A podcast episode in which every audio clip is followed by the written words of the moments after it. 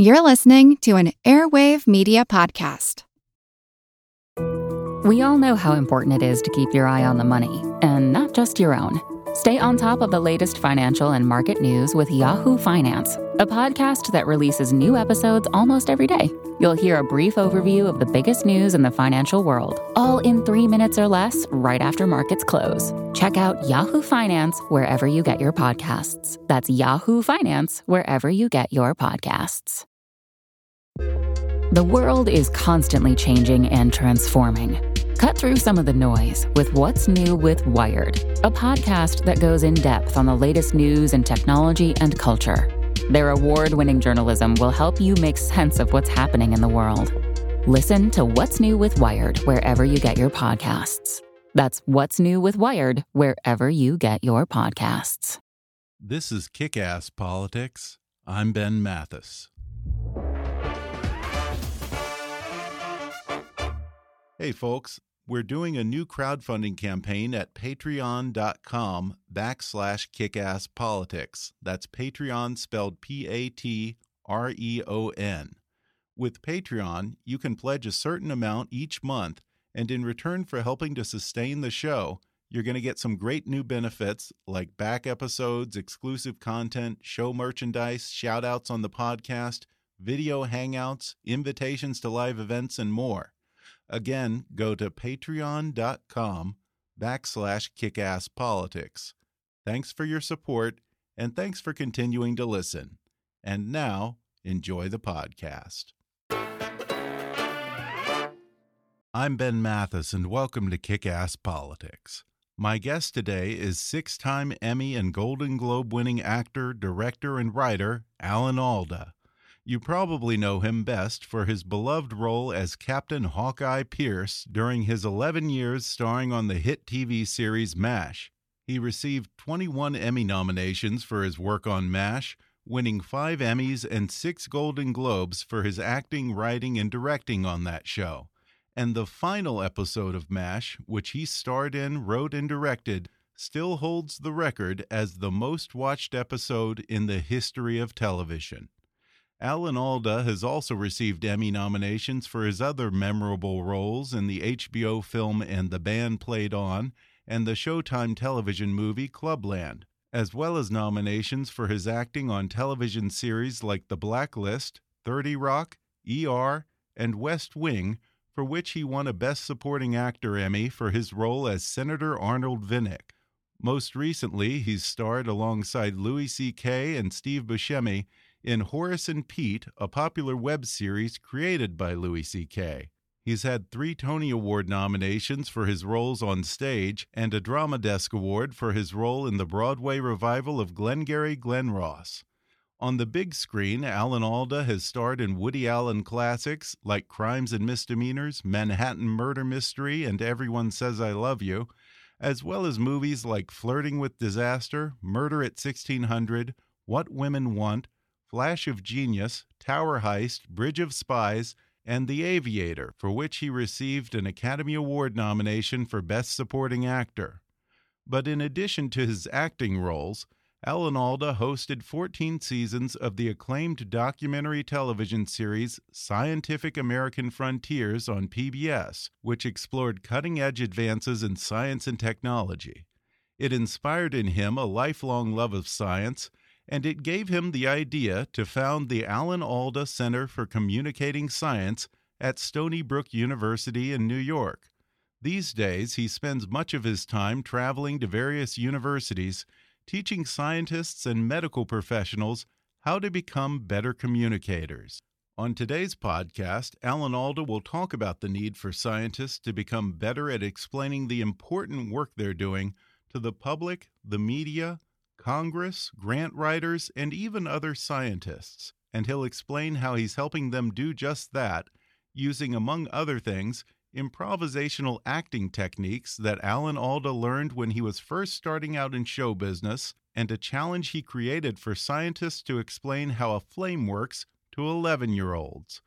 He'll also talk about teaching doctors and nurses to become clearer and more empathetic when dealing with their patients, Plus, we'll discuss his encounter with a doctor who saved his life in the mountains of Chile, the complicated love life of Albert Einstein, and of course, we'll talk about MASH and find out just how accurate all of those TV surgeries really were. Coming up with the delightful Alan Alda in just a moment.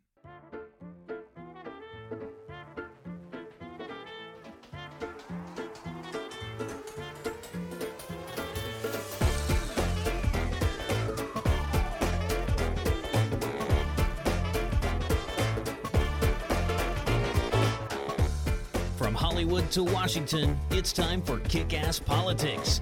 And now here's your host, Ben Mathis.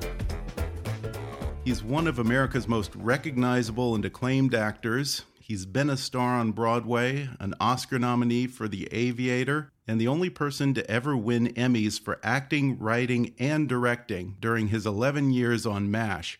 But also, he has a very big interest in science. For 14 seasons, he hosted Scientific American Frontiers on PBS. And more recently, in 2009, he founded the Alan Alda Center for Communicating Science at Stony Brook University, where he also teaches and goes from university to university as a self described Johnny Appleseed of science communication. Alan Alda, thanks for joining me. Thank you. Thank you very much.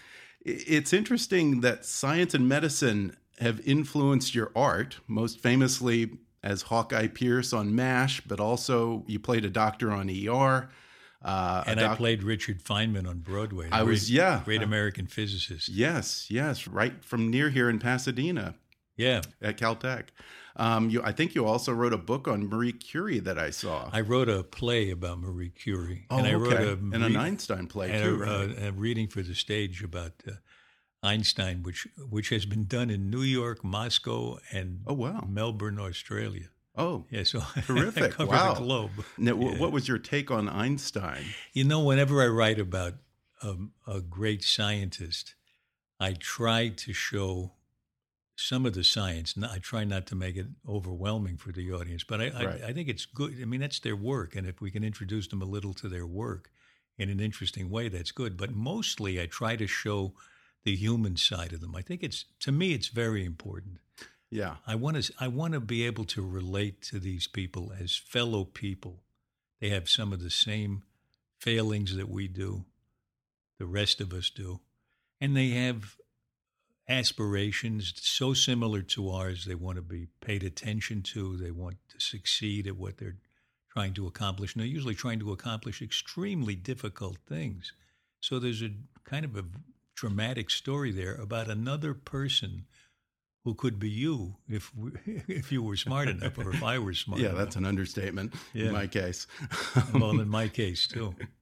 Well, the Einstein one, I think I read about it. Isn't it about his relationship with his wives? Yeah, which was very complicated. Very complicated relationship. I mean, it's it's amazing. This guy was so smart; he could figure out invisible parts of the universe, but he didn't have a really good way of coping with his with the people he loved the most in his life. He, yeah, he, his first wife, he not only divorced, but she wanted to stay with him, and he wrote her a, a letter that said, "If you if you insist on living in the house, then you this is awful.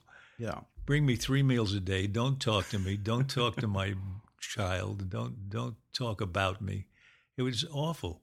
And then yeah. with the second wife, for a while, the second wife didn't know if it was she who was going to marry Einstein or her daughter, who was only Oh my! About twenty or something. he, he, he had he had an eye for both of them. Yeah. It, I mean, that's that's at least human like us, and maybe a little yeah. more human.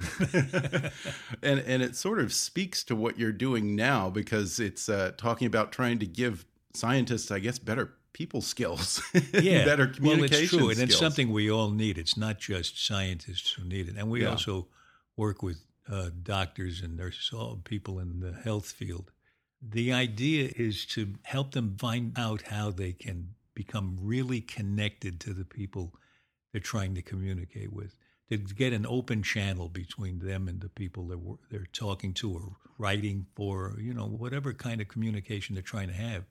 We have kind of, I would say, very innovative ways of helping them do that when I first heard about this, when you were speaking at Caltech, I guess a couple of months ago, I thought to myself, what a terrific idea. People have this image of scientists like everyone in those fields are, are like the guys from the Big Bang Theory. Yeah, you know, they're, they're not. They're very, Yeah.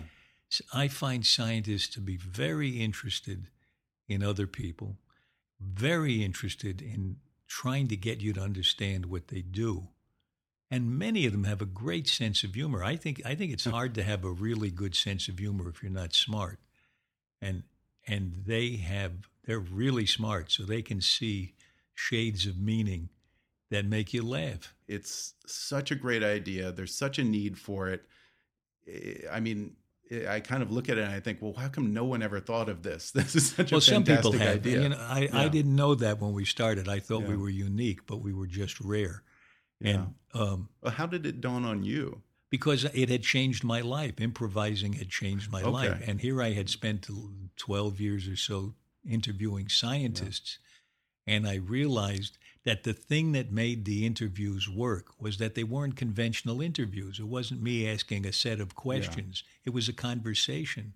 It was an Right. improvisation Right, on where we made Scientific real American. contact, and the real them came out of them because they were relating to another person. They knew that when I asked the question, I really wanted to hear an answer I could understand. And if I didn't hear an answer I could understand, I bothered them until I did. and that made them become alert to me as a person. And so you saw a human interaction on the screen. And when we finished the show, I thought they, we ought to help them get to that kind of relating naturally all the mm-hmm. time, no matter who's at the other end of the conversation. Well, I'm curious when you're dealing with scientists, people who deal in something that so very few people on this planet understand often, do you ever encounter a reticence to demystify what it No, is that they do? No, the real problem is that they, like all of us, forget that people don't understand things as deeply as they understand them. so they they'll use words that we don't get. They'll talk about a process that we are not familiar with, and and they skip steps because the steps seem so obvious. And then you lose them because they, they leave out this crucial little baby step to get you to the next thing. I know that I've sat at scientific lectures, and sometimes it does seem that the lecturer is completely unaware when they're losing the audience. Yeah. Yeah, it happens very frequently, and and and I want to emphasize not only to scientists, Anything. we, I mean, business people, Yeah. IT departments have trouble talking to the board and the, and the executive officer, and the CEO has trouble talking to the IT people because they don't understand his business terms. We all have the same problem, but what, what we do that's unusual that that helps people make this contact with the other person, relate to the other person in this kind of intimate, personal way, is that we start off by teaching them improvisation. That was so interesting to me. Do you come from an improv background? I do. On your bio, you don't mention Second City, but Second City mentions you as an alum. Oh, so oh, I really? It's on their sure. bio? yeah, they they claim you, which Well, is yeah, pretty good. I, I did. I worked at Second City for about two weeks, Oh, but but I I did a an improv. I was part of an improv group in a cabaret uh, one summer at Hyannisport okay. in the same hotel where John F. Kennedy made his press conferences. Oh, and really? I would be him in a press conference downstairs in the basement every night in the cabaret. And the reporters who had asked him questions in the morning would come down and ask me the same questions. But but the, all this hadn't appeared in the newspaper yet, so I didn't know what they were talking about. But it was improvised, and that was a background for me to to learn to begin to learn about improvising. But that was what I would call guts improvising. They just threw us on stage, and we had to make the best of it, Right. and we had to be funny. Right. So Which is a lot of pressure for a right. scientist. Not only well, yeah, but we don't want scientists to try to be funny. We're not trying to do that. Yeah. What we base our improvising classes on is a kind of improvising that I also did for about six months. And it was the only training I had as an actor, the only formal training. But it was one of the best things I, I went through, either as an actor or as a person. These were improvisational games uh, developed by a woman called Viola Spolin. She's the mother of improvisation in the United States. Almost all the Okay. improvising that we see now. Huh. Wow. Her son started Second City. The reason it's useful to us training scientists is that when you do it enough, you become accustomed to making contact with the other person, reading the other person. You can't play these games without reading the other person. And then when you turn to the audience, all of a sudden your tone is different. Your words are different. Huh. You, you don't stand behind the lectern and hide. You come Yeah. out in the open and you're vulnerable to them. And it makes a tremendous difference. It even makes a difference once you get good at that. It makes a difference how you write for people who aren't there Oh, really? because Oh. you're thinking about what's this person going to think when they read Yeah. this sentence? Am I Yeah. ready for the next sentence? Are they ready for the next sentence? Yeah, and I, I think it's, at some point I, I was listening to one of your lectures, and it was interesting because you said as an actor, it's less for you about memorizing the lines than being able to work off of the other person in the scene, and Yeah. so that's kind of what you're teaching. Yeah, I don't learn the lines so much as learn the uh, emotional um, interplay between us. Yeah, So, so that that's that helps me know what the lines are because emotion makes you remember. yeah, If, if I know how I'm feeling at a given moment in response to the other person, when I hear that other person, when they're finally there, the other actor in the scene, and I hear them say this to me, and it makes me have this certain feeling, I know pretty much what I'm going to say. And if I've gone over it enough, I know exactly what I'm going to say. I watched one of the classes that you teach at Stony Brook, and it was interesting. They did a role playing exercise where you would have the scientist try to explain what he does to the other person who uh, takes on the character of, say, a trucker or a, Yeah. or a waitress or a, Yeah. a graphic designer, someone Usually who's not in that field. Right. And Yeah. usually it's somebody with a, a kind of emotionally charged relationship with the scientist, like a, like an overbearing mother or something like that. so that they have to talk to them in terms of that emotional relationship. And the idea Yeah. is they're explaining their science to this person. So the scientist becomes accustomed to the idea that there's more than one way to talk about your science. You become aware that it's possible to talk in a way that conveys emotion to another person. And that's how Yeah. they understand you and that's how they remember what you have to say.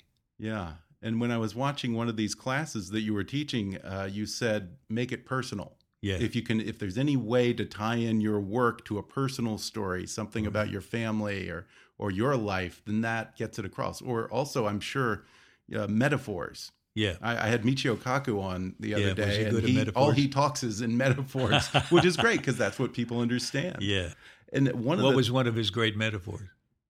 Gosh, you know, he, he had a metaphor for the unified theory, and I'm I still don't think I quite understand that. But Well, you could- I'm still working on that you could one. probably use any metaphor for that. It's, no, nobody gets it. well, yeah, yeah, yeah. If it's, if it's the theory of everything, then Yeah. uh, any metaphor will do, I guess. We're going to take a quick break, and then I'll be back to talk more with Alan Alda. Back in just a moment.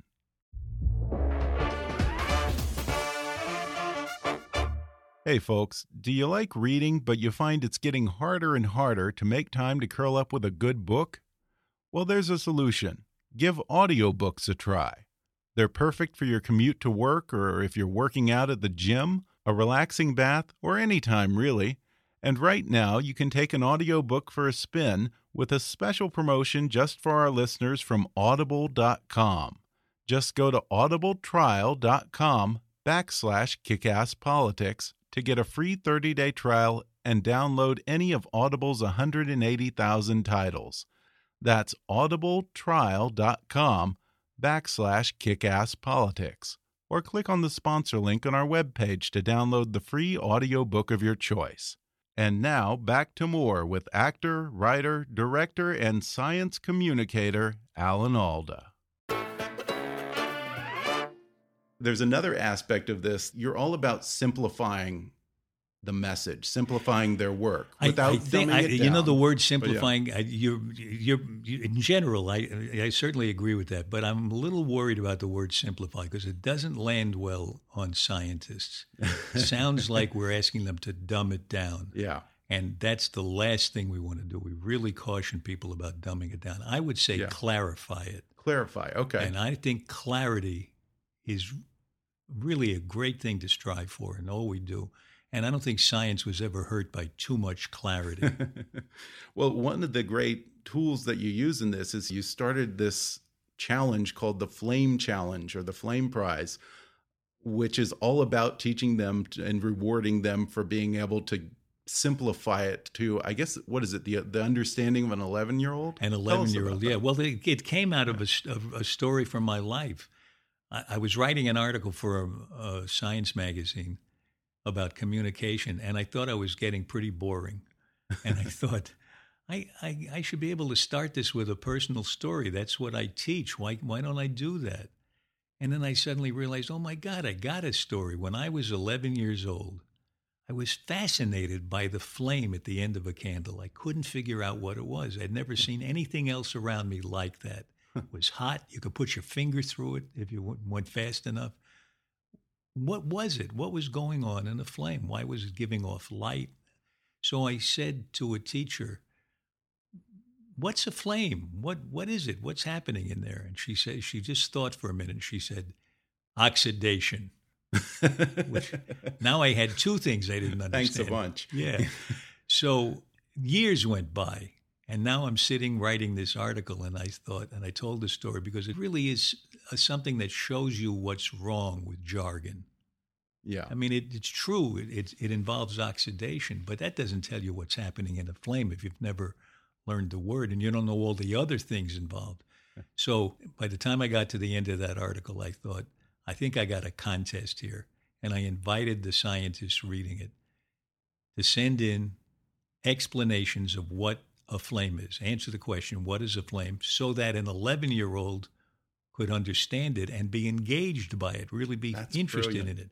And real 11 year olds would be the judges. Oh, that's even better. So we've done it now for about five years. Each year Oh, we cool. changed the question. This year the question was, what is sound? And we had about 26,000 kids from all over the world. So it's a, it's a great thing. And the scientists, now here's what I didn't expect. I thought it was just going to be a learning experience for the scientists, how hard it is hmm to, to make it clear to an 11 year old. It turned out the kids loved this because it puts them in charge of the learning process. Yeah. And they're able to say to a scientist, that's a very good explanation, but it could be a little better. what what what are say an example of the most recent one with sound? How did they communicate it to an eleven well, they year old? get, The they winner. get they have the option of doing a written entry or a video entry. oh, And uh, I can invite your audience to go to flamechallenge.org, Okay. O-R-G, and they can see videos of the this year's winning uh, entry, uh, other years' entries, and they're they're they're really wonderful. The first year, a doctoral student, an American studying in Austria, heard about the the contest with two weeks to go, and he told his boss, "I'm tired of repairing the equipment in this lab. I'm going to take two weeks off, and I'm going to enter this contest, and I hope I win." He went home and told his wife and young daughter, "You won't see me for two weeks. I'll be down in the basement." he he made a cartoon. He wrote it. oh wow. He wrote a Good new a song for it. He performed the song. He narrated it, and he won the contest. And he, it was such a good video that he got offered a job making videos on television. and then he offered me a job. he offered you a job. Did you take it? No, I was too busy, but I really I was very grateful. But he How he's going to be a star communicator. Well, and, and I feel like you're hitting this at just the right time because there is something out there in the air when I keep hearing this buzzword, whether I'm watching the Science Channel or Discovery, or people like Neil deGrasse Tyson or Michio Kaku are now being described as science communicators. Yeah. And I had never heard that term until probably just a couple of years ago. You know what's funny about that is there was a time when the better you were at communicating science, the less respect you got from other scientists. They they assumed you were I dumbing could it see down. that. Yeah, The- I could the- understand that. They called it for a while the Carl Sagan effect because he was actually denied membership in a, in the, the National Academy of Science, I think, because some people said, no, he's too popular. But really, all scientists all over the world are beginning to realize that it, it's fine to be popular as long as you're accurate. In fact, you want you need people in people in the public, people who are policymakers and funders. You need them to Mm-hmm. understand what you're doing. Yeah. Who would give money to something they don't understand? I wouldn't, Right. and neither would the scientist. So is that your audience? Who, who I mean, not your audience, but The the scientist. scientist's audience. Who, Well, are, who do you want th- them to be able to target int- better? Who their audience is is so interesting. It's the general public. It's Congress, Uh oh, that's a tough crowd. foundations, and other sources of funding. Now, here's where it gets really fascinating. It's other scientists really? because if they're not in the exact same field, they don't understand. They're in. They don't understand as well as they should. They understand about at the level sometimes of an informed layperson. Really? And as a result, there are scientists who ought to be collaborating but aren't because they're not aware of one another's work. Now, here's the really amazing thing to me that I'm just beginning to hear from scientists it helps them do their own work better when they learn how to boil down what they have to say to its essential elements. They focus better on their own work. I've heard this from several scientists. Well, that would make sense because it's often getting out of the bubble and having an interaction with the outside world from someone else's perspective or a simpler perspective that leads to those aha moments, those, the light bulb turning on. I think that's true. I think you can also realize that when you can pithily get to the heart of what you do, you see it somewhat with fresh eyes. Yeah, That's really that's really helpful yeah, because before you do that, you're concerned with all the details involved, and the details aren't always all all connected. I do a little bit of this, I go over, come over, do a little bit of that. But when you step back and see the bigger picture, you say, "That's what I'm working on. That's what I'm after. That's what I'm trying." And we've heard this from a couple of really senior scientists who uh, are not uh, buttering us up. They're t- they're they're glad that they're they're doing better science. Well, it's almost like one of those scenes from a movie where someone's working. You have an Einstein or someone who's working on a problem forever and ever and ever, and then he sees a kid bouncing a ball down the street, and there's suddenly the synapse. oh my God, gravity. Yeah, yeah. It's An not apple quite. falls from the I know. tree. Yeah, I'm glad you said that because I just heard myself talking, and it sounds like I'm what I'm saying is improv cures cancer, but I don't. It's not. It doesn't solve every problem in the world. But I am amazed at some of the reports we're getting back. So I, I, I have to be. Uh, I, I have to tell you about them. Speaking of cancer, one of the aspects of this is actually dealing with healthcare professionals Yeah. and teaching them better techniques to communicate with their staff and patients. So you deal with medical students and doctors, especially when you're talking about trying to communicate with patients in terms of life and death, something very personal. Oftentimes, doctors get perceived as cold or mm. arrogant. Is part of your job to help them communicate empathy and humility a little bit better? Yeah. For, we help them develop uh, empathy hmm so that they can sense the other person in the way we were talking about before to find out by by the way they talk to them, by the way they listen to them as they talk. And then that includes getting their symptoms from them, not just tell me what's happening, but tell me your story, you know, in a way. Find out more because sometimes they'll tell you things that are not in their list of symptoms, but all of a sudden you got a clue to what's going on with them in terms of their health. And when the patients report on the care that they received, a number of the questions on the questionnaire have to do with how the doctor related to them. So they're really, in a way, clamoring for training like this because it Yeah. it affects the bottom line for one thing, but it also this is amazing. It also affects their health. The health outcomes of people Really? who, who feel they're being spoken to by an em- empathic doctor, they get better faster. Well, I certainly. mean, there are studies yeah. that show this. I certainly, if you feel that you're dealing with someone who is more empathetic and who you can relate to better, you're probably more likely to follow their advice. a That's lot- the first thing. You closer. Mm-hmm. follow their advice. You take the medication. You trust them more. Yeah, yeah. I mean, I, I I always think of you know someone goes for a biopsy, and then the doctor comes in and he says, "Okay, we have your results. Your results came out negative." And then they the, the patient starts bawling Yeah, because right. he doesn't Or worse, understand it came out positive and- yeah, yeah, but you know, negative for everyone else's mind, Yeah. negative is You, bad. you can be sure that's one of the things we talk about. That that you've got to talk in the language that the person understands.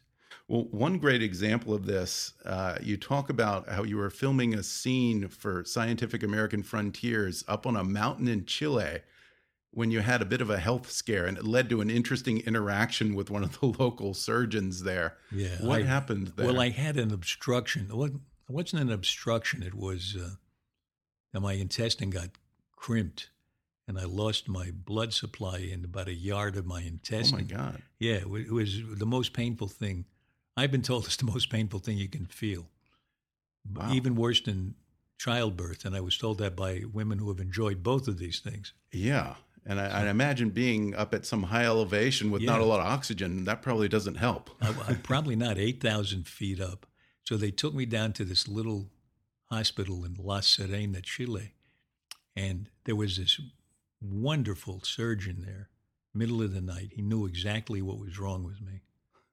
And he had this wonderful way of explaining it to me. It was the best science communication I've ever experienced, and, and at just the right time, too.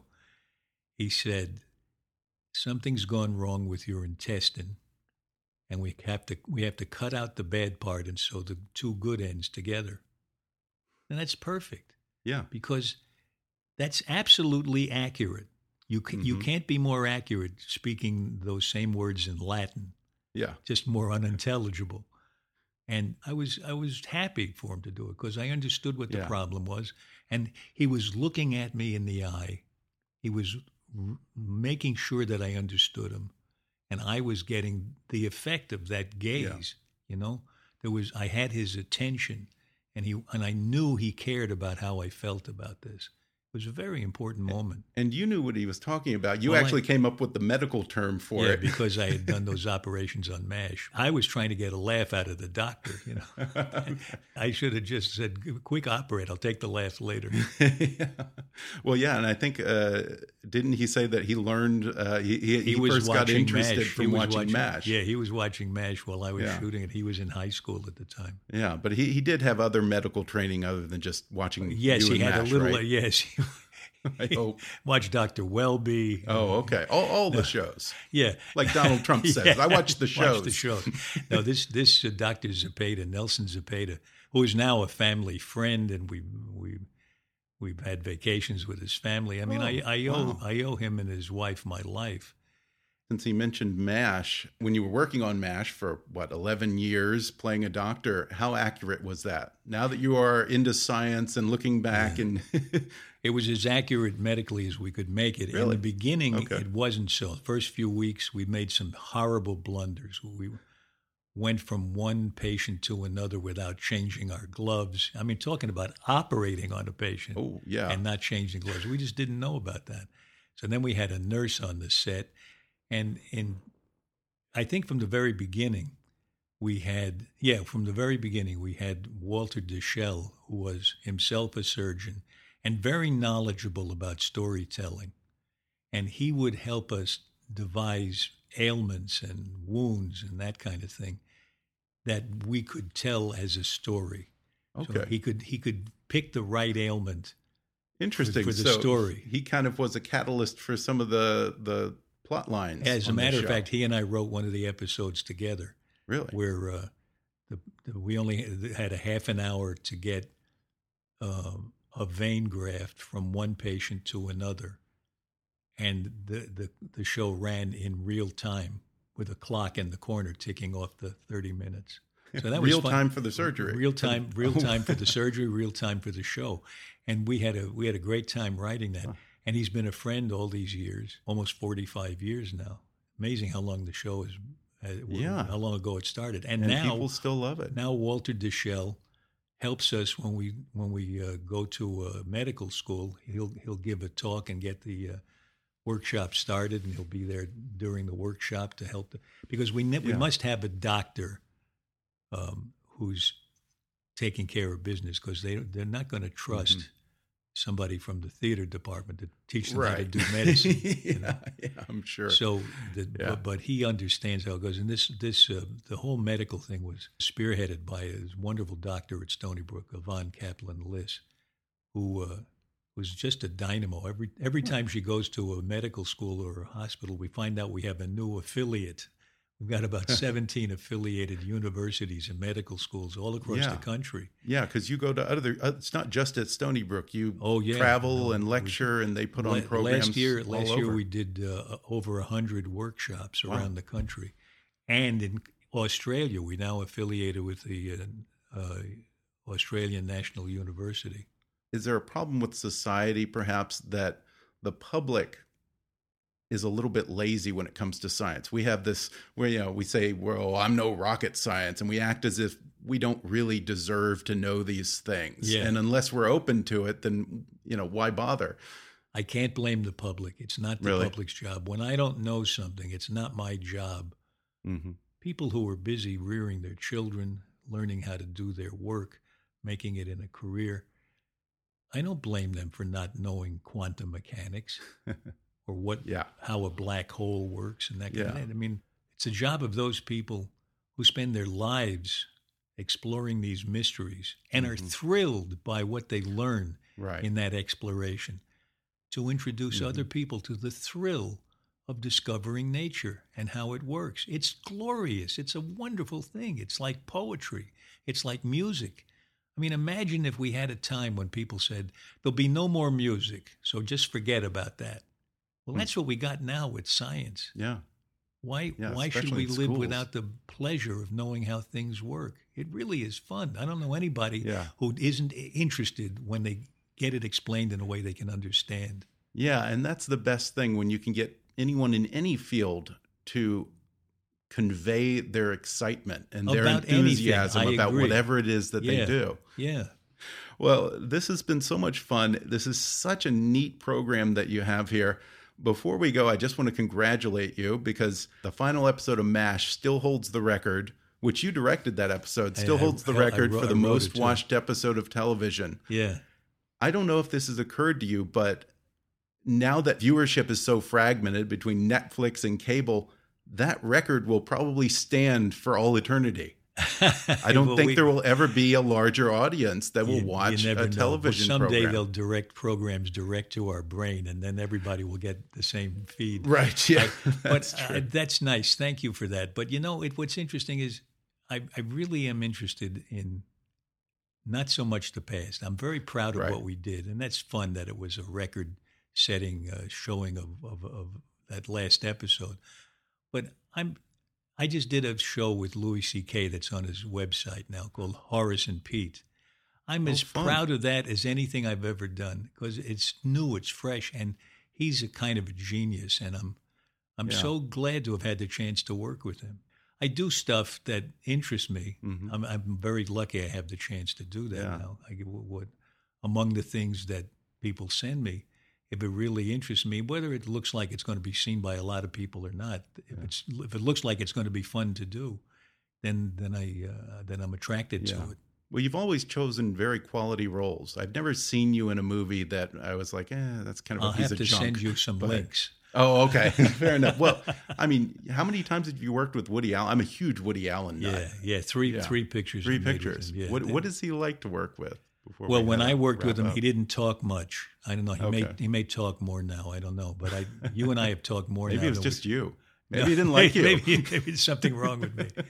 But he was uh, he's he's really brilliant, and I, I loved working with him. Yeah, well, I'm a huge fan of your work and even a huge fan of this new work that you're doing. It's such a great idea. There's such a need for it. Congratulations on what you're doing at the Alan Alda Center for Communicating Science. Where can people go to learn more about it? Well, you could go to uh, Center for Communicating Science dot org. I think it's org. Okay. Yeah.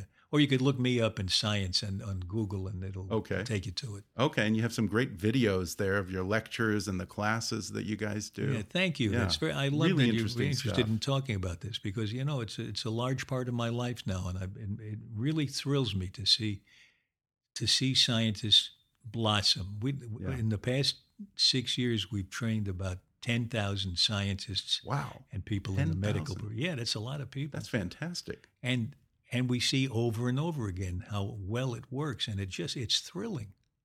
Well, folks, go check it out. It's just fantastic work. It's great, and it's such a great idea. And good for you for taking this on. Thank you. I, it's so amazing. Alan Alda, thanks for joining me. Thanks for having me on. I appreciate it.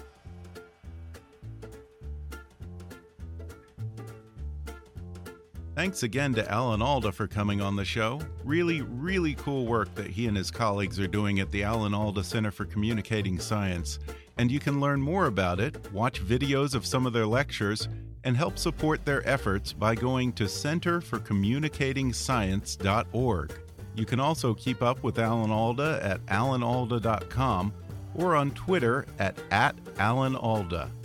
Finally, I'd encourage you to read Alan Alda's highly entertaining autobiographies, Things I've Overheard While Talking to Myself, and Never Have Your Dog Stuffed, and Other Things I've Learned. I'll include an Amazon link where you can order those books in the show notes for this episode and on our website at kickasspolitics.com. Or if you'd prefer to listen to the audio versions, you can download those for free through that special trial offer just for our listeners at audibletrial.com backslash kickasspolitics. Please subscribe to Kickass Politics on iTunes and leave us a review while you're there. And you can also help us reach our fundraising goal for the year and get rewarded by donating to our Patreon campaign at patreon.com backslash kickasspolitics. Follow us on Twitter at, at KAPolitics or visit Kickass Politics on Facebook. And while you're there, recommend Kickass Politics to your friends on your social media. And as always, I welcome your comments, questions, and suggestions at comments at kickasspolitics.com. But for now, I'm Ben Mathis, and thanks for listening to Kickass Politics.